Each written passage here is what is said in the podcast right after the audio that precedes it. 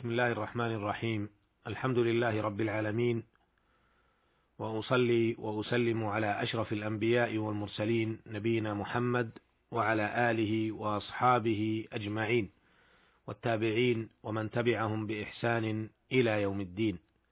أما بعد أيها المستمعون الكرام السلام عليكم ورحمة الله وبركاته. لا زلنا أيها المستمعون الكرام نتحدث عما رواه الشيخان عن عبد الله بن مسعود رضي الله عنه عن النبي صلى الله عليه وسلم أنه قال: ليس منا من ضرب الخدود وشق الجيوب ودعا بدعوى الجاهلية.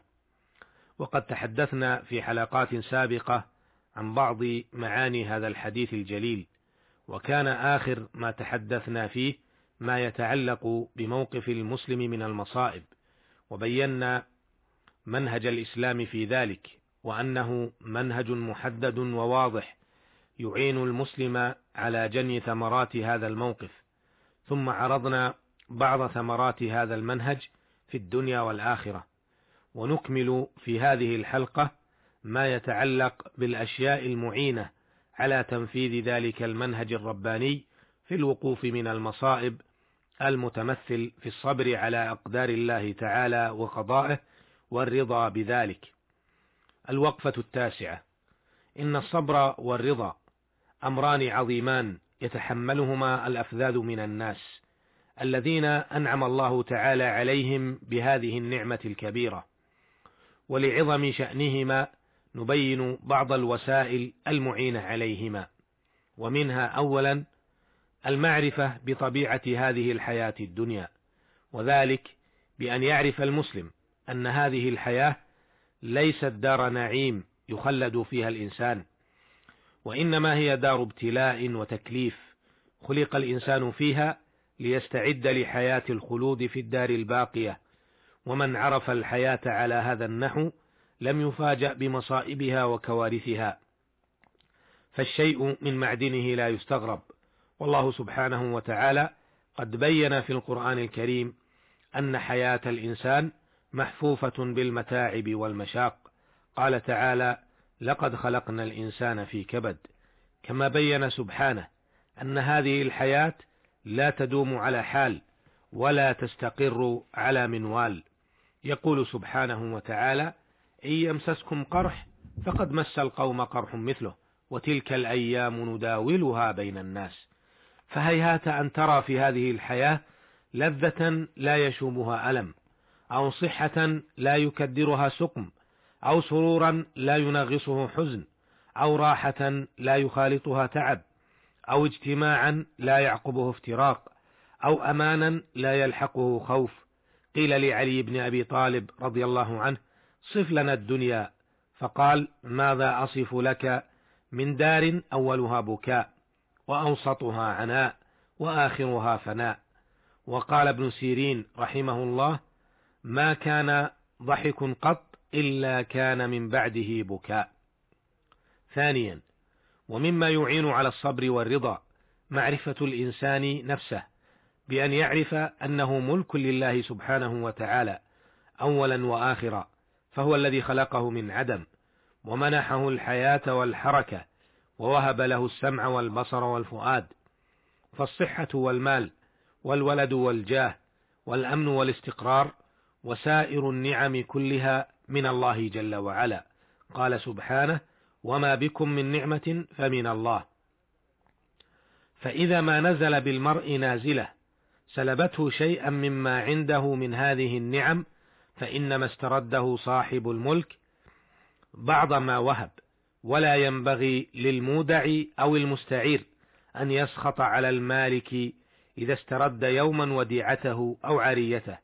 ولهذا فقد أرشد الله تعالى عباده المؤمنين الصابرين الذين لهم البشرى والصلوات والهداية والرحمة أن يقولوا إذا أصابتهم مصيبة إنا لله وإنا إليه راجعون. يقول الإمام ابن القيم رحمه الله تعالى وهذه الكلمة من أبلغ علاج المصاب وأنفعه له في عاجله وآجله فإنها تتضمن فإنها متضمنة لأصلين عظيمين إذا تحقق العبد بمعرفتهما تسلى عن مصيبته. أحدهما أن العبد وأهله وماله ملك لله عز وجل وقد جعل عند العبد عارية. والثاني أن مصير العبد مرجعه إلى الله جل وعلا مولاه الحق. ولا بد أن يخلف الدنيا وراء ظهره ويجيء ربه فردا كما خلقه أول مرة بلا أهل ولا مال ولا عشيرة ولكن بالحسنات والسيئات. فإذا كانت هذه بدايته ونهايته فكيف يفرح بموجود ويأسى على مفقود؟ انتهى كلامه رحمه الله. ثالثا ومما يعين على الصبر اليقين بحسن الجزاء عند الله جل وعلا. فإن مما يحث الإنسان على عمل ما ويثبته عليه ويزيده رغبة فيه وحرصا عليه أن يطمئن إلى أنه مجزي عليه جزاء مرضيا. وقد بين الله تعالى في كتابه الكريم إلى أن الصابرين ينتظرهم أحسن الجزاء وذلك حين يرجعون إليه ويقفون بين يديه فيعوضهم عن صبرهم ورضاهم أكرم العوض ويمنحهم أعظم الأجر وأجزل المثوبة. يقول تعالى نعم أجر العاملين الذين صبروا وعلى ربهم يتوكلون. وقال جل وعلا ما عندكم ينفد وما عند الله باق ولنجزين الذين صبروا بأحسن ما كانوا يعملون. وإذا كان هذا جزاء الصابرين فحري بالمؤمن أن يتذكره فيصبر ويحتسب ويرضى حتى ينال أجره بغير حساب. وحتى تهون عليه المصيبة في الدنيا. رابعا ومما يعين على الصبر اليقين بالفرج القريب وأن الفرج آت لا ريب فيه وأنه بعد الضيق سعة وأن بعد العسر يسرا وأن ما وعد الله به المؤمنين من الصبر وما وعد به المبتلين من العوض لا بد وأن يتحقق. فالذي أعان يعقوب عليه السلام على الصبر أمله في الله تعالى وأن الله لا يضيع صبره. ولهذا قال بعد أخذ ولده الثاني واحتجازه بمصر فصبر جميل عسى الله أن يأتيني بهم جميعا. وقد تكرر في كتاب الله تعالى بأن وعد الله حق وآت لا يتخلف أبدا.